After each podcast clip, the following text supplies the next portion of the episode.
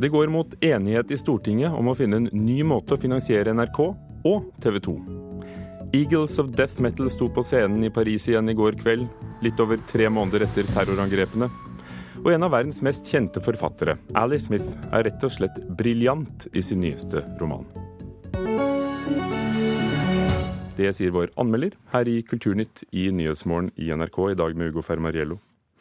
I morgen kan det bli enighet på Stortinget om å endre TV-lisensen. Opposisjonen forhandler om finansieringen av både NRK og TV 2. Arbeiderpartiet mener at fjernsynslisensen må endres, og vil ha en fortgang i arbeidet. Ja, Vi drøfter flere modeller for å sikre allmennkringkasting. Både NRKs framtid og ikke minst at vi også i framtida har en kommersiell allmennkringkaster med hovedsete i Bergen. Det sier stortingsrepresentant for Arbeiderpartiet Arild Grande. På torsdag skal kulturkomiteen på Stortinget si hva de synes om regjeringens allmennkringkastermelding som handler om fremtiden til NRK og TV 2. Ifølge Dagsavisen vil flertallet på Stortinget være enige om å innlede en prosess for å endre TV-lisensen denne stortingsperioden. Det vi i hvert fall eh, er enige om, er at eh, dagens lisensordning fungerer godt, men at den kommer til å bli satt under press eh, framover med nye brukervaner og ny teknologi.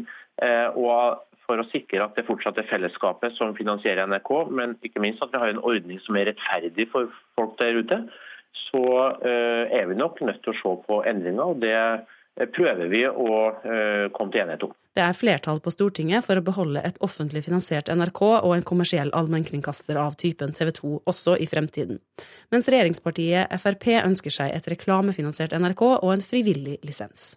Flere europeiske land har endret TV-lisensen. Tyskland har en husstandsavgift, og Sverige avgiftsbelegger PC-er. Også den finske modellen med en enkeltpersonavgift som kreves inn gjennom skatteoppgjøret, skal være aktuelt. Bård Vegar Solhjell sier at SV fortsatt vil ha TV-lisens. Lisensen har fungert godt, men den må nå legges om. Fordi det er flere og flere som ser på TV uten å ha TV-apparat. Da kan vi ikke lenger knytte lisensen til det. Da må vi finne en finansiering som er rettferdig og god, og som sikrer det viktige NRK er for oss i Norge. Hvordan vi nøyaktig skal gjøre det, bør vi nå vente på at ekspertene utreder.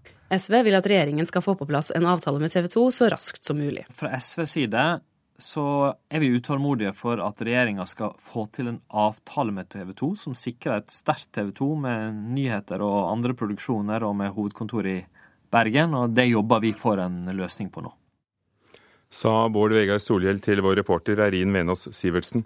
Agnes Moxnes, kulturkommentator i NRK. Kommer TV 2 til å være en allmennkringkaster med nyheter og, og, det hele om et par år? Ja, Det er jo ikke selvsagt. Eh, for selv om eh, politikerne på Stortinget nå samler seg om at vi skal ha en kommersiell allmennkringkaster, så er det TV 2 som er problembarnet for politikerne akkurat nå. Og det handler om eh, finansiering. TV 2 de vil ha penger for å være en god konkurrent til eh, NRK, altså produsere nyheter fra hovedkontoret sitt i, i, Bergen. Så det spørsmålet Stortinget er nødt til å stille seg, er hvordan de skal kompensere TV 2. Eh, og da må de se på skal de også få en lisens eller en annen form for støtte, og skal man gi statlige penger til et privat selskap som går med store overskudd, og sender dem til sitt eh, sine danske eiere i Danmark, altså Egmont. Tror du NRK-lisensen kommer til å se helt annerledes ut om et par år? Ja, så Greia i Stortinget akkurat nå, det er at egentlig når denne stortingsmeldingen om allmennkringkastere skal behandles, så ligger det egentlig ikke i kortene at lisens og finansiering skal behandles. Eh, for det det Toril Vidvei gjorde, var at hun nedsatte to utvalg. Det ene skulle se på finansieringen, altså ulike former for lisenser osv. Og, så og det andre skal se på det totale mediemangfoldet. Eh, men det som, og dette har egentlig irritert stortingsflertallet litt, for de mener at vi er nødt til å diskutere spørsmål om finansiering nå, allerede på dette tidspunktet. Så det har ført til ganske mye uro i Stortinget disse siste dagene. Men så vidt jeg forstår, så har de samlet seg igjen nå, kommer med en felles eh, uttalelse. Men det flertallet i Stortinget ønsker nå, er at man gir gass på spørsmålet om finansiering. At regjeringen må komme med forslag til løsninger på det allerede i løpet av 2016. og at eh, man vedtar det i løpet av denne stortingsperioden, altså dette Stortinget. Og som vi hørte i reportasjen, eh, den tradisjonelle TV-lisensen som har vært i så å si alle europeiske land, er i endring mange steder. Hvorfor mener politikerne at fjernsynslisensen bør være annerledes? Skal det holde med smarttelefon f.eks. for, for ja, altså, å betale? Det er jo rett og slett sånn at utviklingen går mye raskere enn en noen kunne se bare for noen år siden. Nå betaler, I dag betaler folk for å se på TV-apparat på den gammeldagse måten, mens flere og flere av oss sitter og ser på TV også på nettbrettet og telefonen og PC-en. Det er nesten et samlet storting som ønsker å, å sikre NRK i fremtiden. Det finnes et unntak, regjeringspartiet Fremskrittspartiet. Men er det noe de kan da få ut av disse forhandlingene politisk? Ja, det er jo vanskelig for Fremskrittspartiet som regjeringsparti dette her. De har jo programfestet at de ønsker å fjerne NRK-lisensen, og de ønsker også et delvis reklamefinansiert NRK. Men det kan nok dukke opp løsninger i debatten om hvordan man skal finansiere de kommersielle allmennkringkastingsstasjonene. Eh, både egentlig når det gjelder TV, men også radio.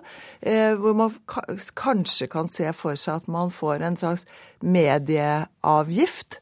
Eh, eller medielisens, og at denne lisensen deles opp en stor pott til NRK, og, men også en pott til, til de kommersielle aktørene. Takk. Agnes Moxnes, kulturkommentator. Aftenposten har gjort noe uvanlig i dag. Reporter Maria Piles Waasan, hva har de gjort? De har rett og slett publisert alle debattinnleggene som de fikk tilsendt i løpet av eh, omtrent ett døgn.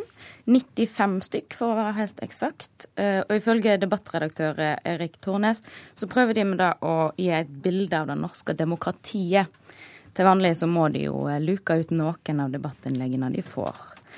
De har òg eh, gått gjennom hvem det var som sendte disse debattinnleggene. Og snittdebattanten i Aftenposten er altså en mann fra Oslo på rundt 40 år. Og det var 63% menn som sendte inn eh, debattinnlegg. Hmm. Så er det jo også en avis som kommer ut i Oslo først og fremst. Kulturministeren har sett seg lei på diskusjonen rundt huset til det nye Munch-museet, det såkalte Lambda, som skal bygges i Oslo?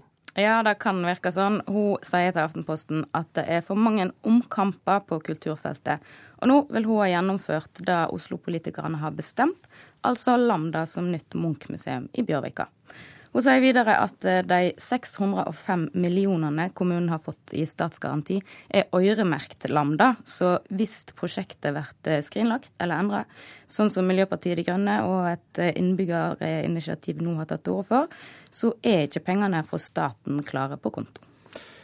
Oscar-utdelingene ble preget av diskusjonen om hvem som var nominert og, og vant priser. At da så å si alle var hvite. Hvordan påvirker det filmfestivalen i Berlin? Ja, Oscar-nominasjonene. Nå har ikke utdelingen ja. vært helt ennå. Nominasjonene. Men det er, det er, jo fremdeles filmfestival i Berlin, og stemningen der blir ifølge Berlingstø påvirka av den eh, Oscar-debatten. Det er flere av filmfolka som får veldig krasse spørsmål fra journalister og andre om hvordan de har tatt seg av mangfold både når det kommer til kjønn og rase i deres filmer. Eh, Cohen-brødrene, de kjente regissørene bak den nye filmen Hail Cæsar, svarer, eller Ethan, da, han ene broren, svarer at han mener kritikken skal gå på hele industrien, og at Hollywood nok er en litt lukka klubb som burde åpnes opp mer. Og Spike Lee, som jo er den svarte regissøren som har sagt at han ikke gidder å gå til Oscar, han påpeker at dette ikke er en boikott, selv om det blir framstilt som det. Han bare har ikke lyst. Eh, og han sier òg at eh, det er så lenge det er en overvekt hvite menn i filmselskapene, de som bestemmer hva filmer som blir lagd, så blir det det i filmene òg. Takk skal du ha, reporter Maria Piles Vaasan. Musikkbransjen, museene og scenekunst har hatt en god vekst eh, som næringer de siste årene. Det viser en eh, ny undersøkelse som eh, Handelshøyskolen BI har utført. Derimot sliter bokbransjen, avishusene og dataspillbransjen.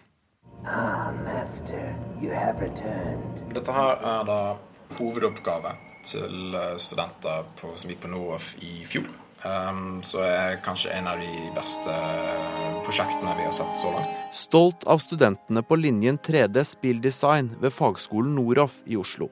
Lærer Adrian Lervåg Skaar viser fram spillideen Shattered Soul, som kort fortalt handler om en fredelig eventyrlandsby velsignet med lys og godhet, som blir tatt over av mørke krefter, og helten som må kjempe for godheten mot alle mulige uhyrer. Men det er et stykke fra studentoppgave til levedyktig spillutvikler.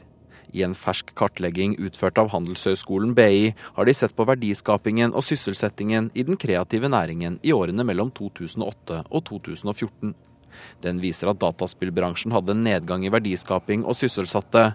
Skaar innrømmer at bransjen er tøff. Det er jo sier vi på en måte ifra med en gang de begynner her, at det her er en ikke en lett bransje å komme seg inn i. Det er tre bransjer med røde tall. Det er dataspill, og det er aviser, og det er bokbransjen. Det er professor Anne-Britt Gran ved BI som har utført kartleggingen av den kreative næringen, som består av bl.a. film- og musikkbransjen, reklame, bokbransjen, mediene, museer og scenekunst. Mange går som det suser, og så er det noen som absolutt ikke går som det suser. Veksten var samlet sett på 15% i de kreative næringene mellom 2008 og 2014. Det er likevel godt under resten av fastlandsøkonomien, altså hele den norske økonomien minus olje- og gassektoren, hvor veksten var på hele 38% i perioden. Det betyr at denne næringen nå spiller en mindre økonomisk viktig rolle i 2014 enn den gjorde i, i 2008. Det er spesielt én bransje, det er ikke så veldig oppsiktsvekkende heller. Det er den som heter avis og magasin her. Har så stor nedgang i både verdiskaping og sysselsetting at det, det påvirker resultatene for hele næringen. Kulturminister Linda Hofstad Helleland fra Høyre vil være til stede når undersøkelsen legges fram på BI i formiddag. Det er jo bra til en vekst, men jeg tror at vi kan gjøre det enda bedre. Så vi har et potensial til å bidra til også at uh, norske kulturuttrykk uh, treffer markedet. Og der tror jeg at uh, jeg som kulturminister er, er, nødt til å ta tak i de um, immaterielle rettighetene for å, bedre sikre dem. Nå er jeg på toppen av loopen. På kontoret til lærer og spilldesigner Adrian Lervåg Skaar får jeg prøve noen virtuelle briller, som tar meg med på en berg-og-dal-banetur gjennom kontorlokalet. Skaar tror dataspillbransjen vil reise seg når bruken av kunnskapen og teknologien også kan brukes på andre områder, f.eks. virtuelle boligvisninger. Men det må være levedyktig. Frem til nå så har vi jo vært eh, avhengig av statsstøtte. Vi er nødt til å bli mindre avhengig av det eh, og kunne klare å nå ut til et mer internasjonalt marked. Og reporter her var Simon Skjelbostad Ystad. Klokken er 16 minutter over åtte dører på Kulturnytt her i Nyhetsmorgen, hvor overskriften i dag er at barn får kjøpt smertestillende medisin på butikken, selv om aldersgrensen er 18 år. Lønnsmottakere venter nulloppgjør, men mange pensjonister frykter de får mindre å rutte med etter trygdeoppgjøret. Og vi importerer mer kraftfôr til Norge enn det Landbruksdirektoratet oppgir. Soya fra Brasil f.eks. registreres som norsk. Det er snart fire måneder siden Paris ble rammet av flere terrorhendelser, bl.a. et angrep på konsertstedet Bataclan. I går kveld var det amerikanske rockebandet Eagles of Death Metal tilbake på scenen i Paris for første gang etter terrorangrepet.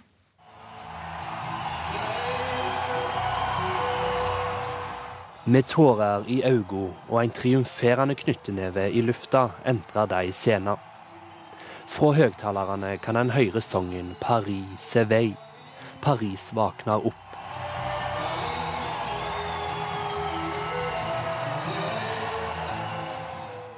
Eagles of Death Metal er tilbake i byen hvor helvete brøt løs en novemberdag i fjor. Midt under konserten på konsertstaden Bataclan starta det verste terrorangrepet Paris har sett i nyere tid. Men i går var dagen der Eagles of Death Metal tok opp igjen instrumenter og rocka videre i Paris.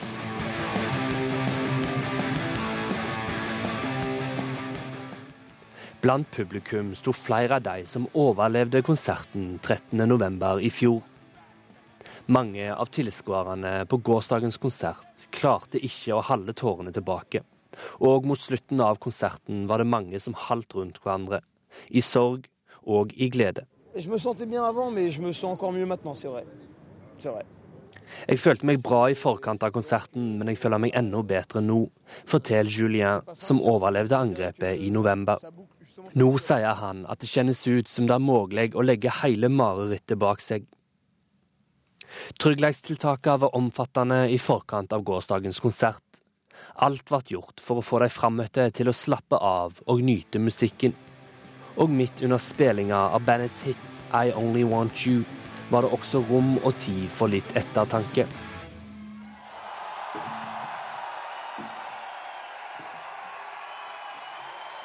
Let's take a moment to remember, and we get back to the fun.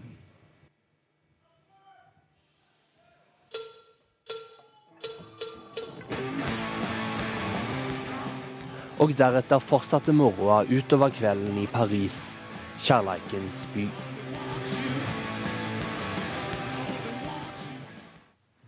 Reporter her var eh, Vegard Kjørholm. Ali Smith er en av verdens mest kjente forfattere, en av Storbritannias best likte, og som har en stor leseskare i Norge. Hennes nyeste roman er nå ute på norsk. Den har hun allerede fått flere priser for, og var nominert til den kjente Booker-prisen. Anne Katrine Straume, litteraturkritiker her i NRK. Tittelen er Begge deler. Hva ligger i begge deler? Det ligger mye, og det ligger en lek som Alice Smith holder på med gjennom hele romanen. Eh, på engelsk så heter boken 'How to be both'. Eh, og romanen inneholder faktisk to små romaner. En fortelling fra renessansens Italia, en fortelling fra nåtiden, nåtidens England. Eh, renessansen, der møter vi en ung maler som skal vise seg egentlig er født som jente, men må kle seg som gutt og mann etter hvert for å kunne eh, male. Eh, denne jenta i vår tid heter George. Eller hun heter egentlig Georgia, men blir kalt George av foreldrene. Ser ut som en tenåringsgutt. Altså Hun spiller på dette med kjønn. Hun spiller også på dette med fortid, nåtid. At det som har vært i fortiden, er med oss videre i nåtiden. Hun spiller på forgjengelighet, og hun spiller på udødelighet. Så hun bruker altså dette å være to motpoler. Det er fullstendig mulig å være to ting på en gang, selv om det skulle synes usannsynlig. Men er det to historier som står helt for seg selv? Hvordan virker dette?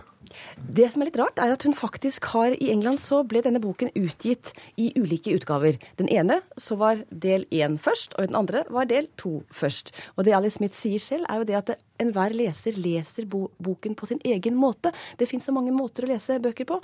Ehm, de henger sammen. De gjør jo det, selv om denne historien fra den ene er avsluttet fra 1400-tallet, eh, og den andre er avsluttet fra vår tid. Men det har seg slik at moren til George, denne ungjenta i vår tid, hun var spesielt interessert i maleriene til denne gamle renessansemaleren. Og der bindes disse to historiene sammen. Men hva handler den om, da? Hva, er temaene den Alice Smith tar, tak i? Hun skriver om kunst, og hun skriver om sorg fordi moren til Georgia er akkurat død. Og da prøver Georgia å holde henne i live ved å gjøre ting som moren likte. F.eks. drar hun til et eh, galleri og sitter og ser på det eneste bildet som fins i England, i National Gallery, av denne renessansemaleren. Så det handler om blikket vårt, hva vi ser, og det handler om overflate og dybde. For disse freskomaleriene de handler jo også om hvordan du maler på en våt vegg, på en mur, og kanskje blir dette malt over, og plutselig så vet vi ikke hva som er originalt, hva som fins under overflaten. Og det er det Alice Smith arbeider med hele veien. Hva gjør Alice Smith til en så god forfatter? Hun er en leken forfatter. Hun har jo akademisk bakgrunn, har undervist i litteratur på universitetsnivå. Hun bor i Cambridge, skriver kritikker i The Guardian og Times Literary Supplements. Hun er en, en um, oppegående, smart dame. dame, men samtidig så morsom og så underholdende. Og hun opp hele tiden så bruker hun språket sitt på en oppfinnsom måte. Eh, Dobbeltbetydninger, ordspill, hun kverulerer i det grammatikalske. Så hun, hun, holder oss hele tiden interessert mens vi leser. Det blir aldri kjedelig. Oversatt av kjent oversetter Merete Alfsen. Hvordan kommer dette frem på norsk? Merete Alfsen hun er en kreativ dame. Så når altså, engelske ordspill, som er nødt til å være avhengig av de engelske ordene, så finner hun nye norske ordspill. Og det blir jo ikke akkurat ord for ord-oversettelse, men hun finner da en annen måte å si ting på. F.eks. et sted så snakker hun om um, De snakker om blyantspissing, og så, så, er det et point. Det er et poeng. Hva heter det på engelsk, men det kan også bety en prikk. Men hun sier 'har det rablet for deg'? Og rable det er jo noe du gjør med en blyant. Altså hun finner nye måter å, å bruke ordspillene på. Men når det gjelder oversettelsen, eh, How to be both, som det heter på engelsk, begge deler, kom på engelsk for halvannet år siden. I en tid da folk kan med tastetrykk kjøpe den originalt og, og billigere enn på norsk. Hvorfor tar det så lang tid før den kommer på norsk? Og hva syns du om det? Det kan man jo lure på, nettopp fordi også at uh, Alice Smith er en såpass anerkjent forfatter at uh, jeg tror forlaget måtte jo ha bestemt seg med det samme, at denne boken kom at dette skulle komme på norsk. Noen ganger så er det jo sånn at man må vente på boken, man må vurdere den og se om er dette her bra nok, vil vi få det oversatt. Uh, jeg syns det er rart at den er kommet så sent på norsk. Samtidig så tar det jo tid når man skal være så kreativ med språket som Merete Alfsen har, nødt, har vært nødt til å være. Takk, Anne Katrine Straume, om begge deler. Følg med på Kulturhuset, for der kommer ditt intervju med Alice Smith en av dagene. En god bok, altså. Absolutt. Les den.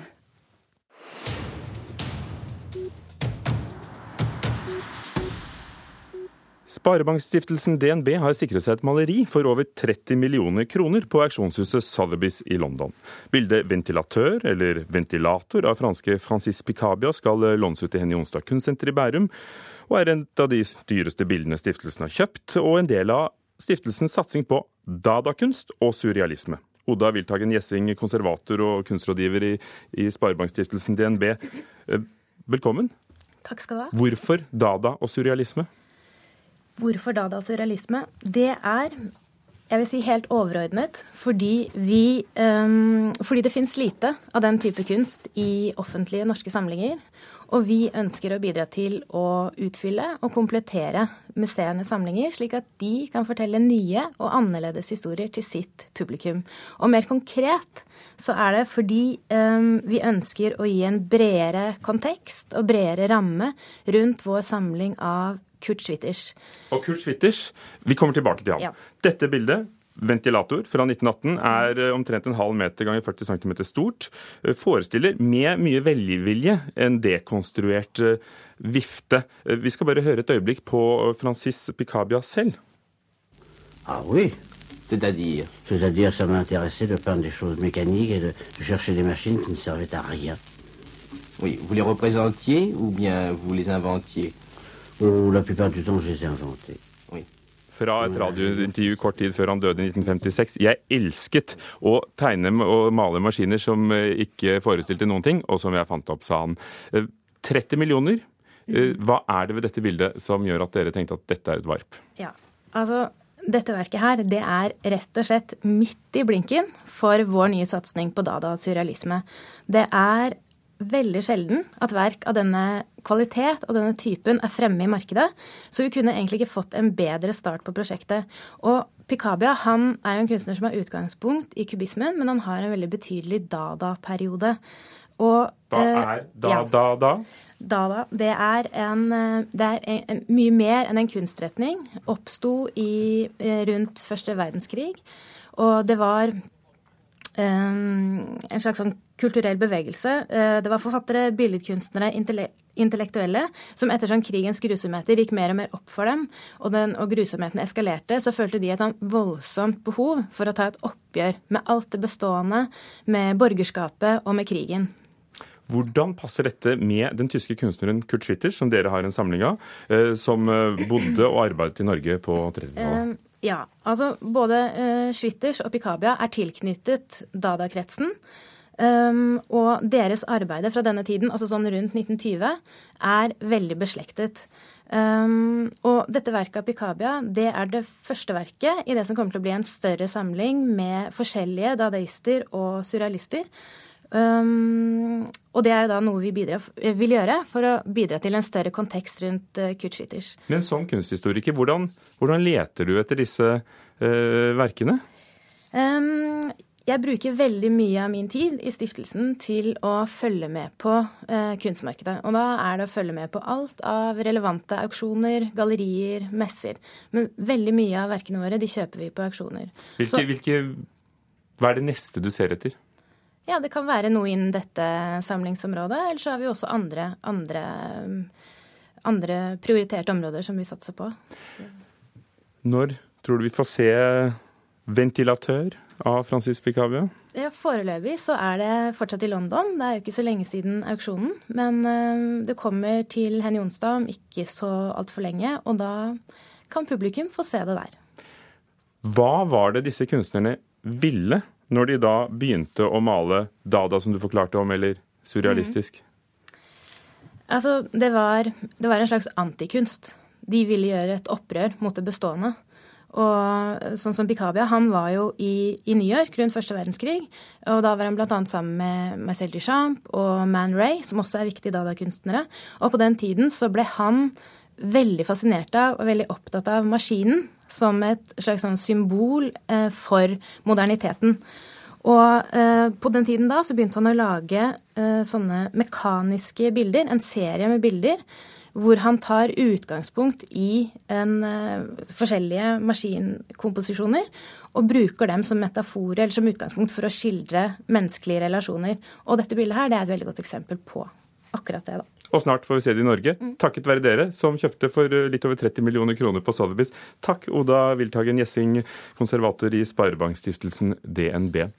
Jeg tar med at i dag i formiddag slipper Festspillene i Bergen sitt program for året. Temaet er grenser, og Festspillsjefen lover at de skal flytte mer kunst ut til folket. Ellers har vi hørt i Kulturnytt at det nærmer seg en enighet på Stortinget for å arbeide på, for å få en ny måte å finansiere NRK og TV 2 på. Hvis du gikk glipp av sendingen, hør den på radio nrk.no. Dette er Nyhetsmorgen i NRK. Produsent for sendingen Stine Traalt, programleder Hugo Fermariello.